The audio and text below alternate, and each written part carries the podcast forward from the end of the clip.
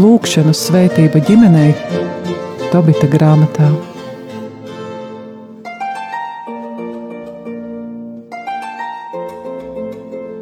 Slavēts Jēzus Kristus. Mūžīgi mūžos slavēts. Studijā Stela. Un Anģela.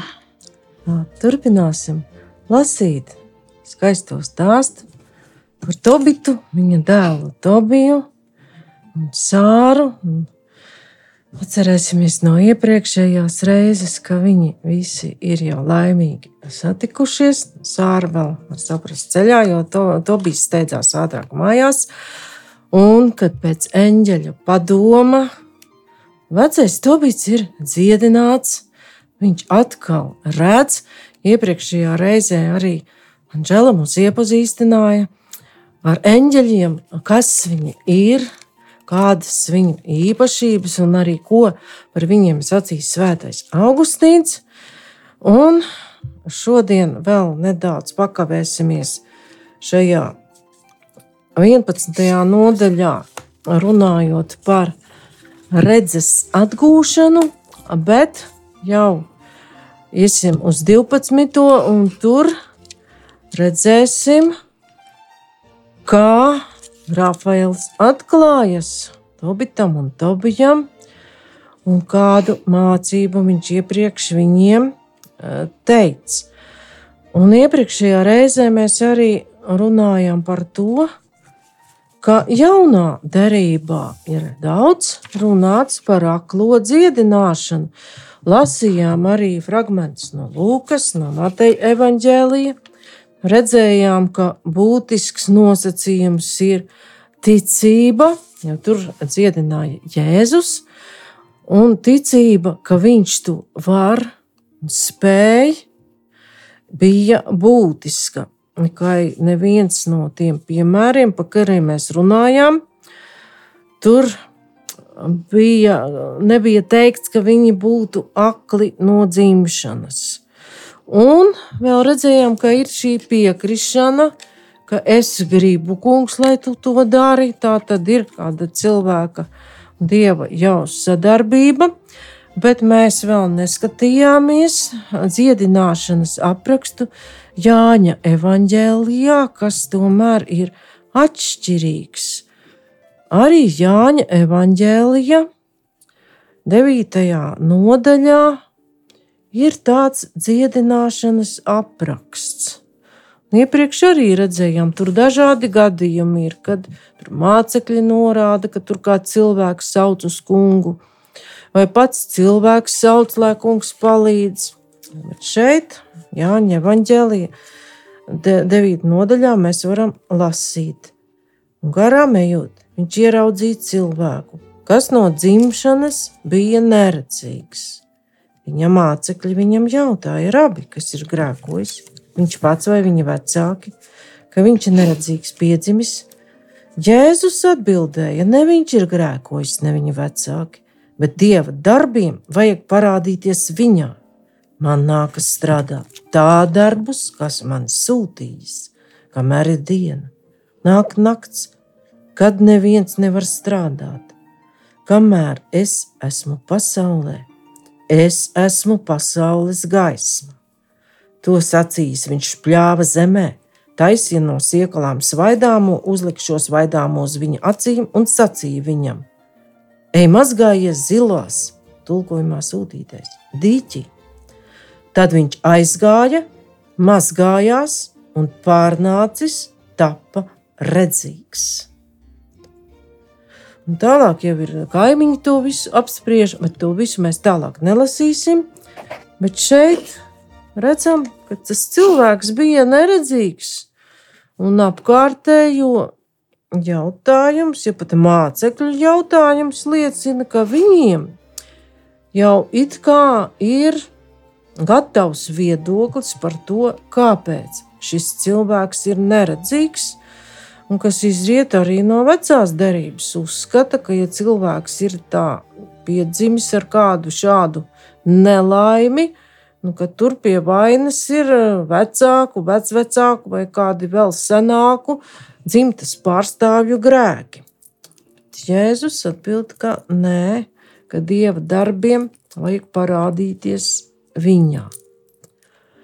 Un pie Tobita dziedināšanas mēs redzam arī, kad nekur Tobita grāmatā nav pārmetums, ka viņš ir palicis akls dēļ kādiem savu tēvu tēvu grēkiem, vai kad viņa senči ir vainīgi pie šīs nelaimes, kas ar Tobitu ir notikusi. Bet notikumi parāda arī Tobita dzīve, un šis notikums arī viņa dēla garais ceļojums, sievas iegūšana, viņas dziedināšana arī Tobita dziedināšana ir, lai Dieva spēks un viņa slava parādītos šajos cilvēkos. Nu jā, un šodien vēl varētu arī atgriezties atkal pie uh, radīšanas trešās nodaļas, ja, kur sieva un sieva redzēja, ka tas koks ir labs, lai ēstu, ka tīkams acīm un kārojams prātam, un viņa ņēma tā augli un ēda, un deva arī savam vīram, kas bija kopā ar viņu, un, viņu, un viņš ēda. Arī šeit, ka acīm uh, sieva redz, ka tas ir labs, ēdams un kārojams prātam, it kā viss varētu būt priekš cilvēka labs. Bet šeit ir viens jautājums, kā mēs varam atšķirt, kas mums ir labs un kas mums nav labs. Ja? Jautājums par garīgo redzi. Nu, jā, varbūt arī jā, bet mums no arī puses. Dievs pasaka mums priekšā, kas mums ir labs un kas mums nav labs. Ja? Un tāpēc jau ir šīs, kas notiek pēc tam, kad tomēr uh, izgaršoja to augli, deva savam vīram, tad, kad Dievs tomēr jautā, kāpēc tas notika un kurš tur vainīgs. Sākās tas, ka vainots saka viens otru. Un šeit jau parādās pirmie grēka augļi. Jā, un tas ir šis pirmgrēks, ka cilvēks pats grib noteikt labu un ļaunu. Jo Dievs jau bija pateicis radīšanas grāmatā, ko darīt, ko jūs drīkstat ēst, ko jūs nedrīkstat.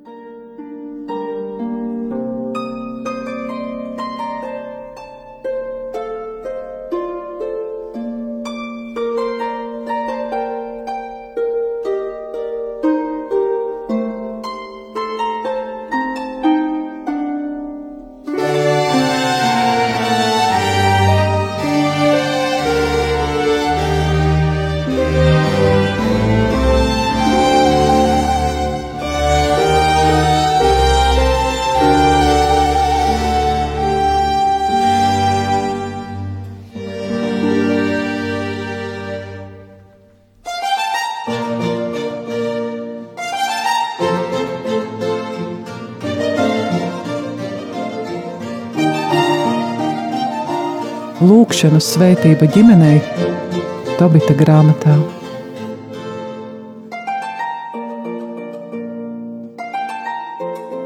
Un vēl tālāk mēs varam uh, lasīt tajā pašā trešā nodaļā, 15. pantā, ko Dievs saka. Un es celšu ienaidu starp tevi, tevi un sievu, starp tavu pēcnācēju un viņas pēcnācēju Viņš tev sagrā, sadrāgās galvu, bet tu viņam sadzelsi papēdi. Un sievai viņš teica: Vairoties, vairošu tev grūtumu, kad tu būsi grūta. Mokās tu radīsi dēlus, savu vīru tu kārosi, bet viņš valdīs par tevi. Un cilvēkam viņš teica: tāpēc, ka tu paklausījies savas sievas balsī un ēdi no koka, par ko es tev pavēlēju, neiet no tā.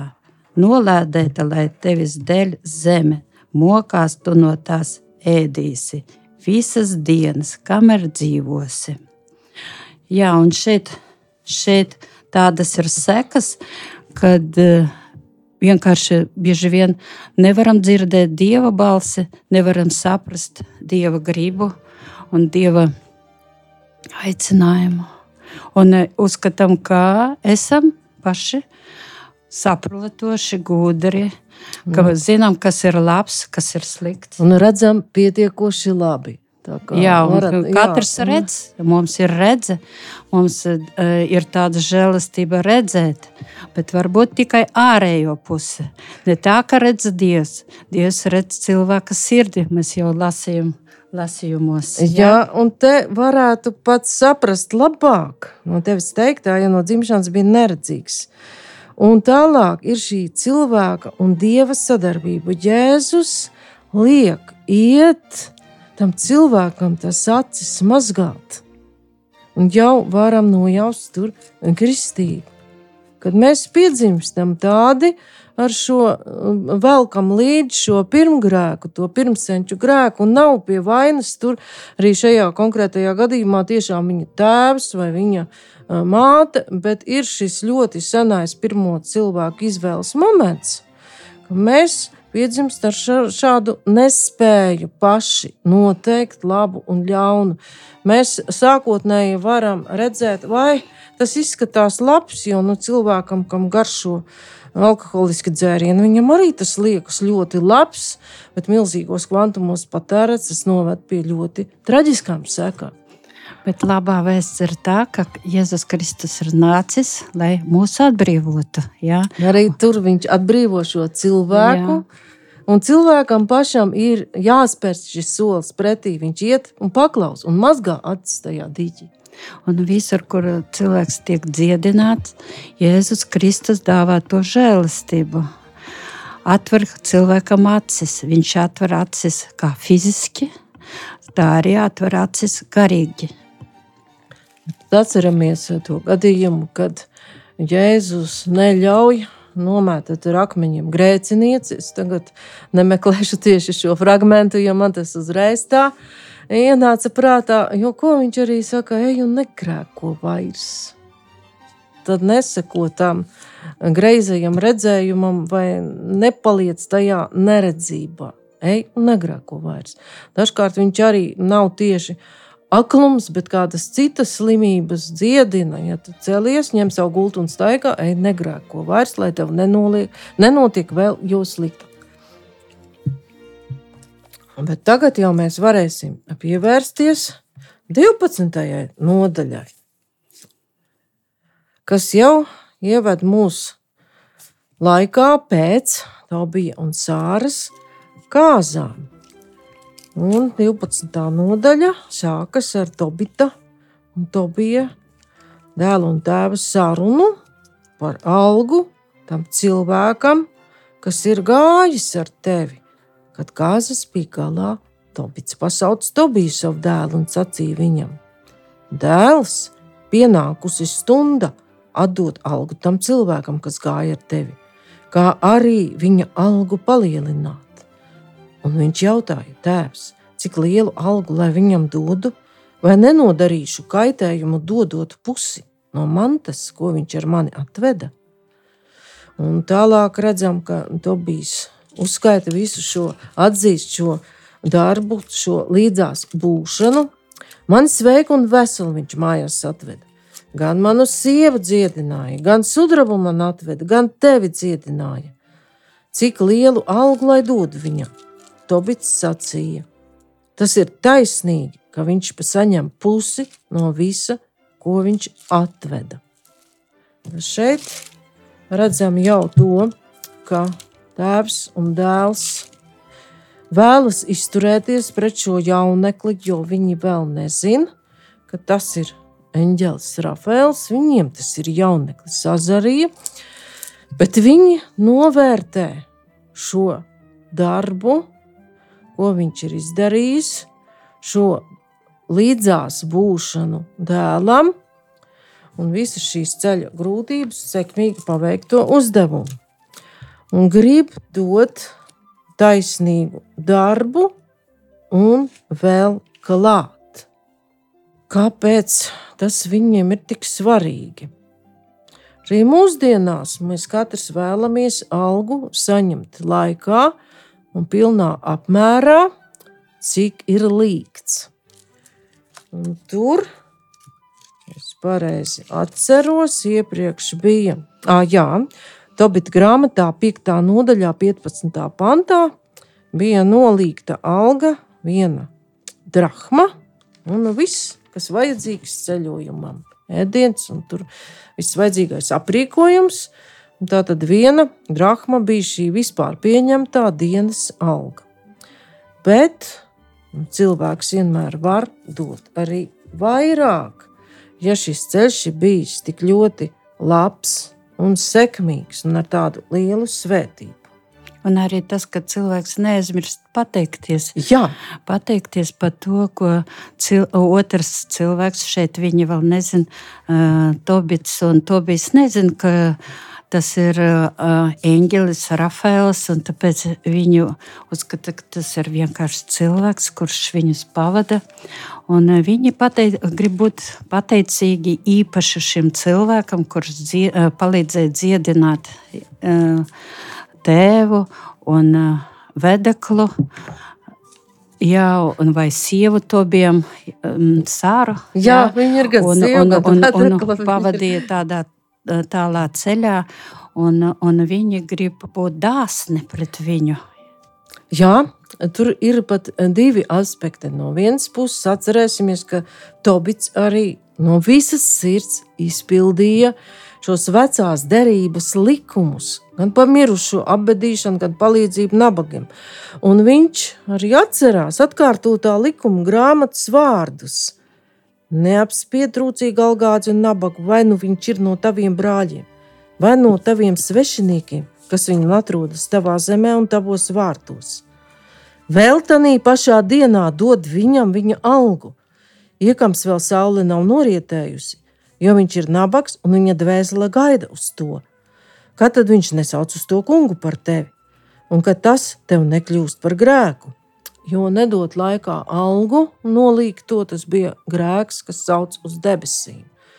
Tātad Tobits vēlas izpildīt pilnā apmērā šo noteikumu. Tas ir arī Levīta grāmatā 19, 13, 14.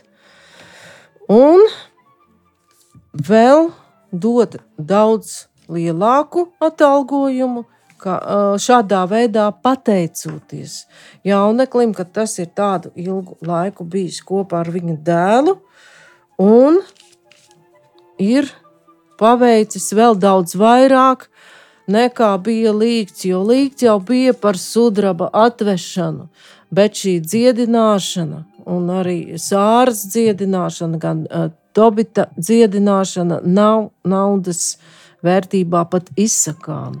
Un tagad uh, mēs varam arī dzirdēt, ko atbild Rafaels. Tad Rafaels citiem nedzirdot, pieaicinājis abus sev klāt, sacīja. Augstu teiciet Dievu un pateicieties Viņam, atzīstiet Viņa varenību un pateicieties Viņam visu cilvēku priekšā par visu labo, ko viņš ar jums darīs. Pateicieties Dievam, augstu teicot viņu un cildinot viņa vārdu un dieva darbus, izteiktos, izteiktus vārdos un ar slavēšanu atklājiet visiem cilvēkiem. Un netopiet kūtri, viņam pateicoties. Ķēnišķo noslēpumu labi ir glabāt apslēptu bet dieva darbus pienākās atklāt un par tiem pateikties ar slavinājumiem. Dariet labu, un sliktais jūs neatradīs. Patiesa lūkšana un taisnīgi veikt žēlsirdības darbs ir lielāks labums nekā netaisna bagātība. Labāk ir darīt žēlsirdības darbus nekā krāt zeltu. Žēlsirdības darbi atbrīvo no nāves un šķīsta no visa grēka, kas dara žēlsirdības un mīlestības darbus, tiks taisnīgas dzīves piepildīti. Paldies!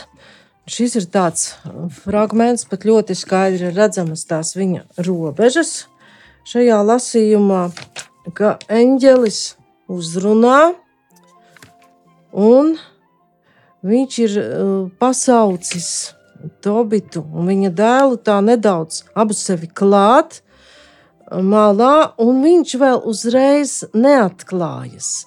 Viņš aicina augstu teikt un slavēt Dievu par to labo, un te ir redzamas dažas tādas joprojām ļoti nozīmīgas lietas. Nu, var jau sēdēt mājās un slavēt, bet Rafēls aicina, cildinot viņa vārdu, dieva darbus izteiktus vārdos. Tā tad ieterp vārdos to visu, un ar slavēšanu atklājiet visiem cilvēkiem. Un netopiet kūtri viņam pateicoties. Šī slavēšana ar pateicību ir jābūt tādai, viņai jābūt redzamai visiem citiem cilvēkiem. Tā tad tā ir jau liecība. Rafaels aicina liecināt visiem cilvēkiem par dieva varenajiem darbiem un pateikties ar slavinājumiem. Un septītās pants, viņš ir arī paralēls ar 11. ka labi ir turēt ķēnišķo jeb dievišķo noslēpumu apslēptu, bet dieva darbu cildināt un atklāt. Tad ir kaut kas, ko Rafaels aicina paturēt noslēpumā. Ir šie dieva darbi, kurus ir jāatklāj un par tiem jāpateicas.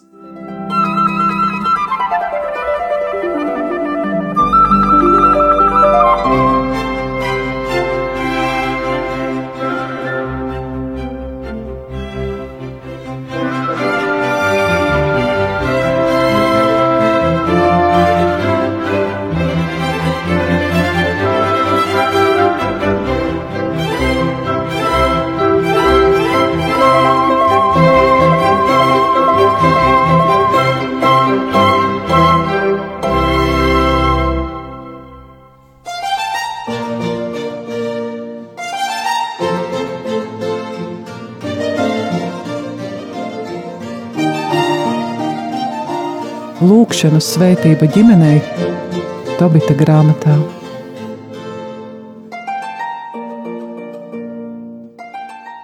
Arī savā ziņā tāda devība, jo šeit ir devība tieši attiecībā uz Rafēlu, bet viņa arī devība un ziedošana kā svētība ir ar lielu apsolījumu to, ko runā arī Pāvils otrā vēstulē korintiešiem. Bet es to saku, ka sīksti sēž, tas arī sīksti pļaus, un kas sēž uz svētību, tas arī pļaus uz svētību. Ik viens lai dara, kā tas savā sirdī apņēmies, ne smagu sirdi vai piespiests, jo priecīgu devēju Dievs mīl. Un varam saprast to, kā arī materiālu dalīšanos, un arī dalīšanos ar šo liecību, ko Dievs lielu, skaistu, varanu ir darījis tavā dzīvē, un liecināt par to visiem cilvēkiem. Tāds pants it kā pagrūts, liekas, tas jau, ko es minēju, tas 7. un 11. Tas ķēnišķais vai dievišķais noslēpums. Jo, piemēram, Mateja evanģēlijā, 7. nodaļā, 16. un 6. 7. nodaļā, 6. un 7. pantā.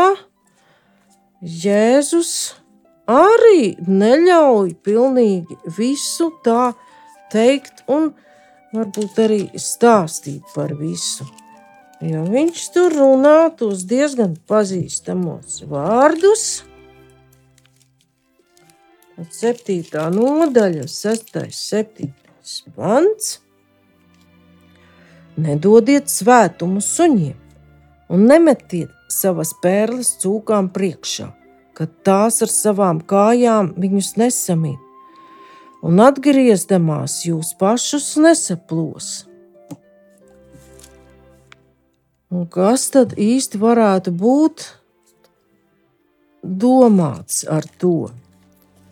Vecajā derībā atcerēsimies, ka arī templī, kurš katrs tā nevarēja iet. Un Lutāņu teologs Reinhards Lenska, viņš arī teoloģijas doktors, bijis Lutera akadēmijas rektors, uzskata, ka šis attiecas arī uz upura dāvanu un upura vietu templī, Upura gaļu neviens nedos sunim vai cūkai. Jaunā darbā tas attiecas arī uz kristības dārgumu un cienīgu vakarēdienas saņemšanu. Uh, un interesanti ir tas, ka pat šo Lutāņu teologu rakstu uh, tulkojot un lasot, ka viņš ir lietojis šo vārdu evaharistija.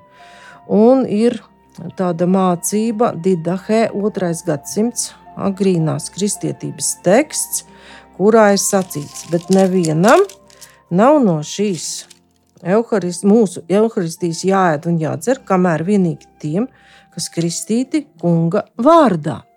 Bet tas nenozīmē, ka cilvēkam atkrīt šis aicinājums un pienākums dot liecību un slavēt Dievu par Dieva darbību. Šeit arī varētu lasīt no Jāņa pirmās vēstules piektās nodaļas.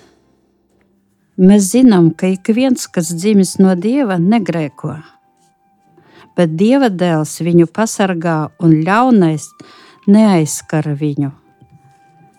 Mēs zinām, ka esam no dieva un visa pasaule ir grimusi ļaunumā, bet mēs zinām, ka dieva dēls ir nācis un devis mums saprāšanu, ka atzīstam patieso un mēs arī esam patiesajā viņa dēlā, Jēzu Kristu. Šis ir patiesais Dievs un mūžīga dzīvība. Paldies! Ka arī šeit ir kā atklāt un parādīt patieso Dievu. Arī tas Kā šo aicinājumu izpildīt, dariet labu, un sliktais jūs neatradīs. Ar šo labu darīšanu tā, tā ir liecība ar darbiem. Un darot labus darbus, sliktais neatradīs. Tas skan it kā jocīgi, bet pat uh, vienkārši cilvēciski varam saprast. Darot labu, darot labu no sirds, rūpējoties par savu tuvāko, sliktajam nepaliks laiki. Un šeit mēs atkal atceramies, ka labais ir no dieva. Ja? Tas ir tas, ko paredz dievs, to labo, bet ne pats cilvēks, kuram subjektīvi var likties, ka tas ir labs. Bet šīs labais nenes labumu. Tas nav no dieva labums, nav paredzēts tāds labums. Un šeit mēs arī la varam lasīt no atklāsmes grāmatas pirmās nodaļas. Un no Jēzus Kristus, kas uzticamais liecinieks, pirmdzimtais no mirušajiem un zemes ķēniņu valdnieks, viņam, kas mūs mīlēs un ar savām asinīm mūs no mūsu grēkiem atbrīvojas, un kas darīs mūs par valstību un priesteris, priesteriem dievam un savam tēvam, viņam lai gods un vara mūžu mūžos. Amen. Arī mēs varam runāt arī par saviem. Pa Dieva darbiem mūsu dzīvē, to, ko Viņš ir darījis mūsu dzīvē, un dalīties ar saviem, saviem draugiem, saviem, saviem, ka mēs varam stāstīt, ko, ko, kā Dievs parādījās mūsu dzīvēm ko viņš izdarīs, kādus brīnums darbus izdarīs. Un tā ir tā, ka mēs varam liecināt par to, ka Dievs ir mūsu dzīvē, ka Viņš vada mūsu dzīvi. Paldies! Un varam saprast arī to, ka var liecība notikt pat ar divos veidos. Viņa var notikt ar vārdiem un darbiem. Un, kā jau tu pareizi teici, Dievs ir tas, no kura nāk labums, un Viņš arī dod šo vēlmi un spēju darīt žēlsirdību, žēlsirdības darbu. Un 8. pantā, kad Tā bija tā grāmatā 12. nodaļā. Eņģēlis Rafēls runā par šādus vārdus, saliekot kopā patiesa lūkšana un taisnīgi veikt žēlsirdības darbs ir lielāks labums nekā netaisna bagātība. Labāk ir darīt žēlsirdības darbus nekā krāt zeltu. Un patiesa vai nepatiesa lūkšana. Un šeit šī patiesā lūkšana, un cilvēks var tiešām lūgt, lai Dievs viņam atklāja, kā viņam rīkoties, kā veikt šo žēlsirdības darbu, parādīt, kur tas ir vajadzīgs un taisnīgi veikt žēlsirdības darbs. Nu, kā ir taisnīgi vai netaisnīgi? Nu, dievā veikts ar dieva žēlastību Arī- tieši to, ko mēs tikko runājam par to, ka tu teici lūkšanā. Jā, un Un Dievs dāvā ir- žēlastību un redzēt un saprast no sirds Dieva žēlastībā un bez sautīguma veiktais darbs. Jā, tas ir Viens- tas. Uh, Un te varam izlasīt arī, ko par lūkšanu saka Jā. Jēkabs savā vēstulē. Viņš arī tieši tam pievēršas uh, 4. nodaļā, 2. un 3. pāns. Jūs iekārojat, un jums nav. Jūs slepkavojat un skaužat, un nevarat iegūt. Jūs cīnāties un karojat. Jums nav. Tāpēc, ka jūs nelūdzat Dievu. Jūs lūdzat un nedabūjat. Tāpēc, ka ar ļaunām sirdīm lūdzat, lai to šķiestu savā kārībās. Un ir citā tulkojumā arī, ka jūs slikti lūdzat. Un tā kā šeit no Jēkaba teiktā varam saprast, kāda ir patiesa lūkšana. Nu, it kā tādā apgrieztā veidā viņš ir pateicis caur to, kāda nav patiesa lūkšana. Un žēlsirdības darbs jau arī var būt. Var žēlsirdības darbam, nu kā viņš varētu būt netaisns, izmantot arī netaisni iegūtu mantu. Bet dievam tāds darbs, ja žēlsirdības darbam ir izmantot netaisni iegūta manta, tad nebūs īsti patīkams. Nu, un var arī darīt, lai citi redz, kad tu esi tur žēlsirdīgs un ka tu ļoti ar to visu nodarbojies. Bet tas nebūs taisnīgi veikts. Tas būs virspusēji veikts, lai izrādītos. Un varbūt arī gandrīz kā piespiedu kārtā, jeb kā tautā saka, gariem zobiem. Bet jaunajā derībā apustulis Pāvils saka, ka priecīgu devēju dievs mīl. Arī šeit mēs varētu izlasīt no Pāvila vēstules galotiešiem: Nepievilieties! Dievs nekļūs par apsmieklu, ko cilvēks sēž, to viņš arī pļaus. Kas sēž savā miesā, tas no miesas pļaus postu, bet kas sēž garā, no gara pļaus mūžīgo dzīvību. Darīsim labu, nepagurtami, jo savā laikā mēs pļausim, ja vien nepadosimies. Tad, nu, kamēr mums ir laiks, darīsim labu visiem, īpaši tiem, kas ticībā piedara pie mūsu saimes. Paldies! Bet nobeigt varam atkal ar apakstuļa jēkaba teikto, jo reizēm ir tas dis, disputs par ticību un darbiem un taisnošanu tikai ticībā, bet atpustulis jēkabs par šiem darbiem un ticību un viņu attiecībām saka tā, otrā nodaļā no 14. panta. Ko tas palīdz, mani brāļi, ja kāds teica, tam esot ticība, bet tam nav darbu? Vai ticība viņu var izglābt? Ja brālis vai māsa ir kaili un tiem trūks dienasčas barības, bet kāds no jums viņiem teiktu, ejiet ar mieru, sildieties un baudiet barību, bet nedotu viņiem to, kas miesai vajadzīgs, ko tas palīdz? Tāpat arī ticība. Ja tai nav darbu, tā pati par sevi ir nedzīva. Bet gan kāds teiks, tev ir ticība un man ir darbi.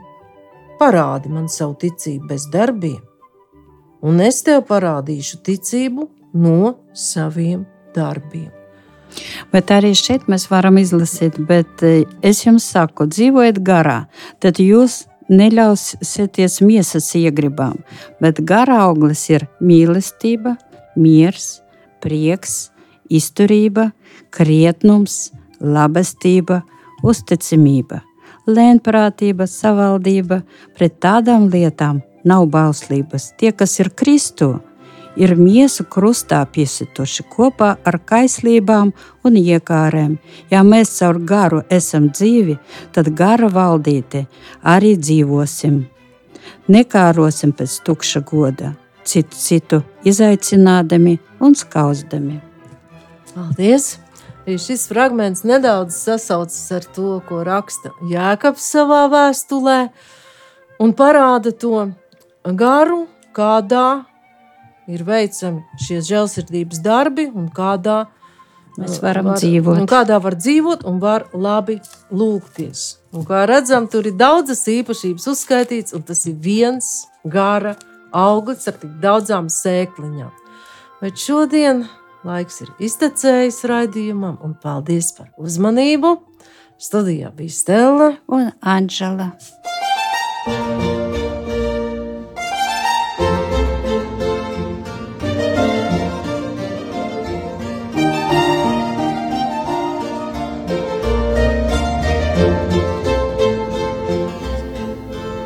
Izskanēja raidījums Lūkšanas svētība ģimenei Tobita grāmatā.